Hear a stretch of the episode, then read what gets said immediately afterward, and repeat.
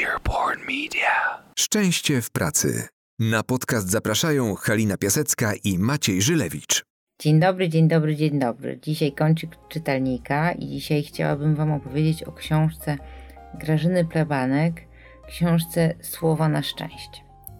To jest książka, która mnie ujęła e, po pierwsze pomysłem, po drugie formą, e, po trzecie niezwykłą taką nową wiedzą na temat tego, co różne kultury mogą przynieść nam przez słowa, które określają różne stany, e, stany emocjonalne, które wiążą, wiążą się z naszym szczęściem.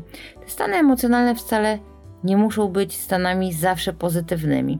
One mogą być pozytywne, mogą być negatywne, a czasami mogą być bardzo skomplikowane i bardzo mieszane, ale to, co przynosi szczęście, to jest świadomość tego, co przeżywamy, i na tym koncentruje się ta książka. Czyli można powiedzieć, że przeżywamy wiele rzeczy, że, że te stany emocjonalne, które są w nas, są różne. Jedne bardzo oczywiste, drugie dużo mniej. I te mniej oczywiste łatwo przeoczyć, chociażby z tego powodu, że trudno nam je nazwać.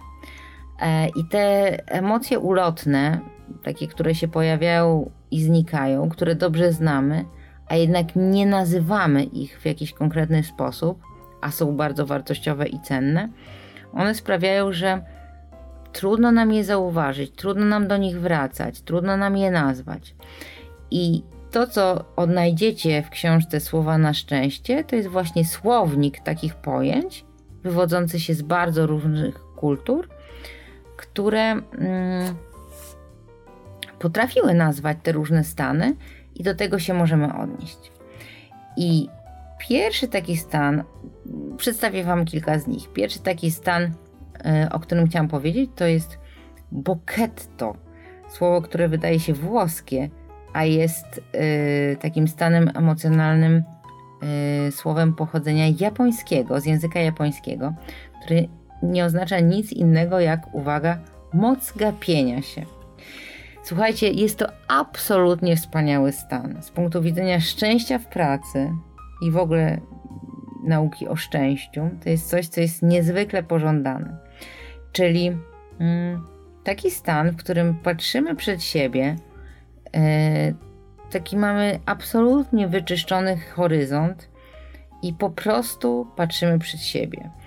Gdybyśmy chcieli to przetłumaczyć bezpośrednio na polski, moglibyśmy powiedzieć, że to jest coś po, powiązane, nie wiem, z gapieniem się, byciem bez jednej myśli, a, ale to gapienie się ma w sobie w języku polskim jakiś taki pejoratywny oddźwięk, a to buketto właśnie jest dużo subtelniejsze i to jest taka umiejętność godna zazdrości, czyli wyłączenie się na chwilę. Naprawdę patrzenie się w dal, nie myśląc o niczym. Pewnego rodzaju wstrzymanie tego biegu myśli i trwanie w tym, co, co, co daje nam chwila. Taki moment, jeżeli potrafimy to zrobić, na przykład w środku pracy, i zrobić sobie taką przerwę, w której przez dwie minuty patrzymy w przestrzeń, patrzymy w przód, E, nie mamy żadnej myśli, po prostu zawieszamy się na chwilę, to jest absolutnie wspaniała umiejętność takiego resetu, odpoczynku, yy, pobycia zupełnie gdzie indziej niż się jest. I polecam to każdemu z nas. To jest wspaniały stan. Jestem przekonana, że część z Was tego doświadczyła, ale czy to zostało przez Was nazwane, czy do tego wracacie i z tego się cieszycie? Nie wiem teraz macie tą szansę. Kolejne określenie, które też mi się bardzo podobało, to jest szwedzkie lagom. Autorka tutaj tłumaczy to jako średniak i już. Ale to lagom, e, czyli to szwedzkie określenie, to jest coś, co bardziej mi się kojarzy z czymś, co oznacza wystarczająco dobrze. Czyli coś, co po angielsku jest określane jako good enough. W sam raz. Nie za dużo, nie za mało, tyle ile trzeba. I to określenie, jeśli wiemy, co dla nas znaczy wystarczająco dobrze, w sam raz, nie za dużo, nie za mało, jeżeli my naprawdę wiemy, co to znaczy, to jest bardzo, bardzo wiele, bo czy dotyczy to mm, ilości pracy, czy dotyczy to jakości relacji z bliskimi, czy dotyczy to, nie wiem, naszego zaangażowania, tego, jacy jesteśmy kontaktach z innymi ludźmi, czy też dotyczy te, to, mm, nie wiem, jedzenia potraw, które uwielbiamy, y, ilości wypitego wina. Y, nieważne.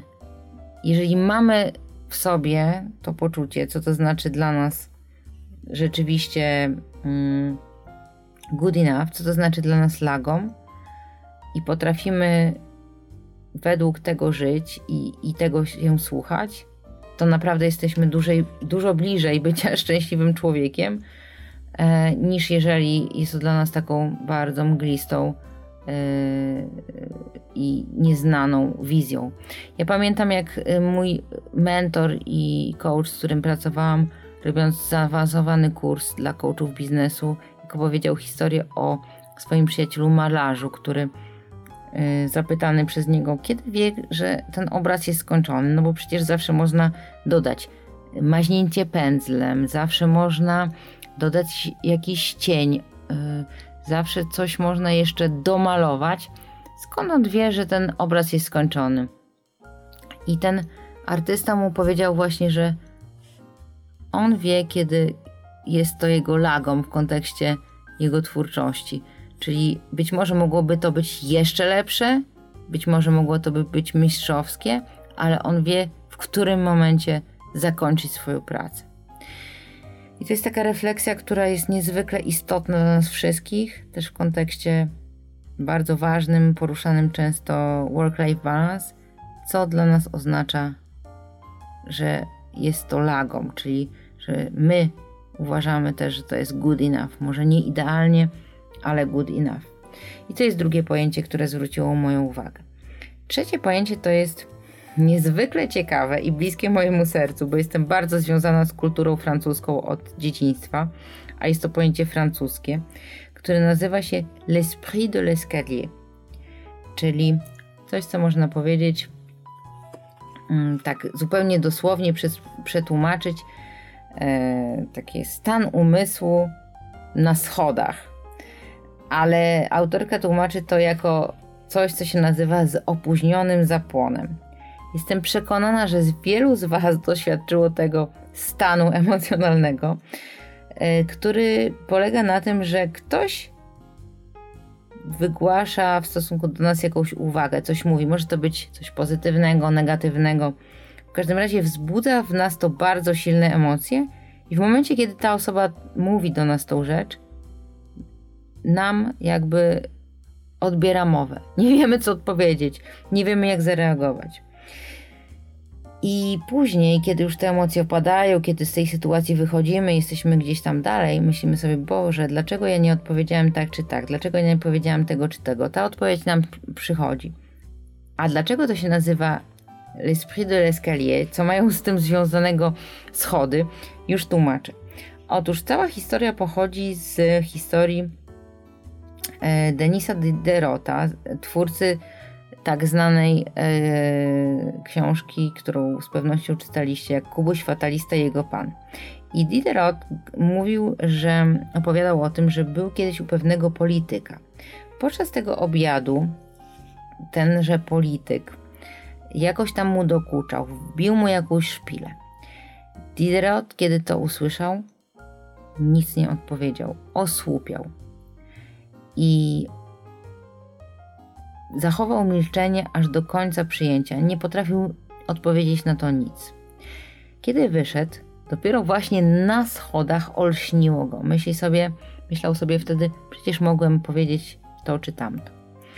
I um, Diderot opisał to, to odczucie, to doświadczenie w swojej książce Paradoks o aktorze – i nazwał to właśnie l'esprit de l'escalier, czyli taki schodowy stan ducha. E, czyli taki moment, w którym pojawia się ta właściwa riposta, odpowiedź na taką obraźliwą, śmieszną jakąś um, uwagę, Ale ta odpowiedź przychodzi za późno i zdajemy sobie z tego sprawę. I znowu, z pewnością wielu z nas tego doświadczyło, yy, miało takie uczucie. To nie jest nic złego, nie musimy mieć tej riposty natychmiast, ale możemy to zauważyć i z taką. Yy, z taką przyjaźnią popatrzeć na siebie, zauważyć to i, i mm, po prostu być w stanie wspomnieć, przypomnieć sobie ten stan ducha. Kolejny e, rozdział nazywa się Nunchi, czyli widzisz mnie. Nunchi, czyli takie koreańskie mm, określenie, które jest wyjątkowo bliskie mojego, mojemu sercu. Czyli Nunchi to jest taki człowiek, e, który posiada ogromną inteligencję emocjonalną. Może źle mówię, to nie jest człowiek, to jest właśnie taki koncept koreański, który można y, połączyć z inteligencją emocjonalną człowieka. U nas w naszej kulturze już od jakiegoś czasu mówi się o tym, że te osoby, które mają to EQ, nie tylko IQ, to są osoby, które y, są dużo bardziej efektywne, na przykład w kontekście zarządzania zespołami, w kontekście relacji z klientami, w kontekście y, jakichś osobistych relacji że to ta inteligencja emocjonalna, jeśli jest niedostatek w tym obszarze, to, mm, to, to jest to, co rozróżnia ludzi na najwyższych stanowiskach. Czy oni mają tę umiejętność związaną z byciem inteligentnym emocjonalnie, czy nie. To jest taki temat, który ja uwielbiam, ponieważ jestem przekonana, że możemy też doskonalić te umiejętności związane z byciem inteligentnym emocjonalnie na różnych poziomach. No ale są ludzie, którzy też rodzą się z takimi predyspozycjami, którzy gdzieś tam tu mają od razu w genach i być może jest im z jednej strony łatwiej, być może trudniej. Jak zawsze, każdy talent może być czyjąś y, zaletą, czyjąś mocną stroną, ale też może być jego obciążeniem i wadą, bo taka osoba, która jest bardzo empatyczna na przykład, no to jest też osoba, która wiele widzi, wiele, wiele rozumie, wiele czuje, ale jednocześnie bardzo przeżywa to, co się dzieje i czasami być może za dużo bierze na siebie. W każdym razie to nunchi to jest też taki stan, w którym jesteśmy w stanie spojrzeć na kogoś po prostu, posłuchać tej osoby, bo to jest też bardzo duża umiejętność słuchania i zauważania drugiego człowieka e, i rzeczywiście wyczuć stan ducha tego, tej osoby, z którą rozmawiamy, albo którą obserwujemy, z którą jesteśmy. I taka wrażliwość emocjonalna drugiego człowieka jest czymś, co tak naprawdę daje mu bardzo dużą siłę, bo jest w stanie zbudować e, wartościową autentyczną, prawdziwą relację od samego początku, bez względu na to, jakiego charakteru ta relacja jest. Czyli czy jest to relacja bardzo profesjonalna, czy bardziej osobista i nieformalna. Zawsze, zawsze jest to jakby punkt do przodu, e, jakiś atut dla tej osoby, która to ma. Następny mm, stan ducha, czy też stan emocjonalny, to jest stan określany w języku Bantu, który się nazywa Ubuntu. Ja, czyli my. Coś, co jest absolutną wartością w naszych czasach, w kontekście tego, co dzieje się zawodowo, politycznie, społecznie, czyli coś, co jest bardzo tak naprawdę typowe dla e, języka południowoafrykańskiego, jakim jest Bantu. Takie wyjątkowo, wyjątkowe słowo dla mnie, wyjątkowe określenie, czyli coś, co oznacza, że ja jestem, bo jesteśmy my. Czyli mm, to, o czym się mówi bardzo często, jak rozmawiam z naszymi gośćmi tutaj specjalnymi, mówią o tym, że ja jestem taka, jaka jestem, czy jestem taki, jaki jestem, dzięki temu, że jestem, że mam taki zespół, że pracuję z takimi, a nie innymi ludźmi. Yy, I to są takie sytuacje, ten stan emocjonalny się pojawia wtedy, kiedy naprawdę nie musimy nic mówić, a inni ludzie o nas dbają, a my dbamy o innych.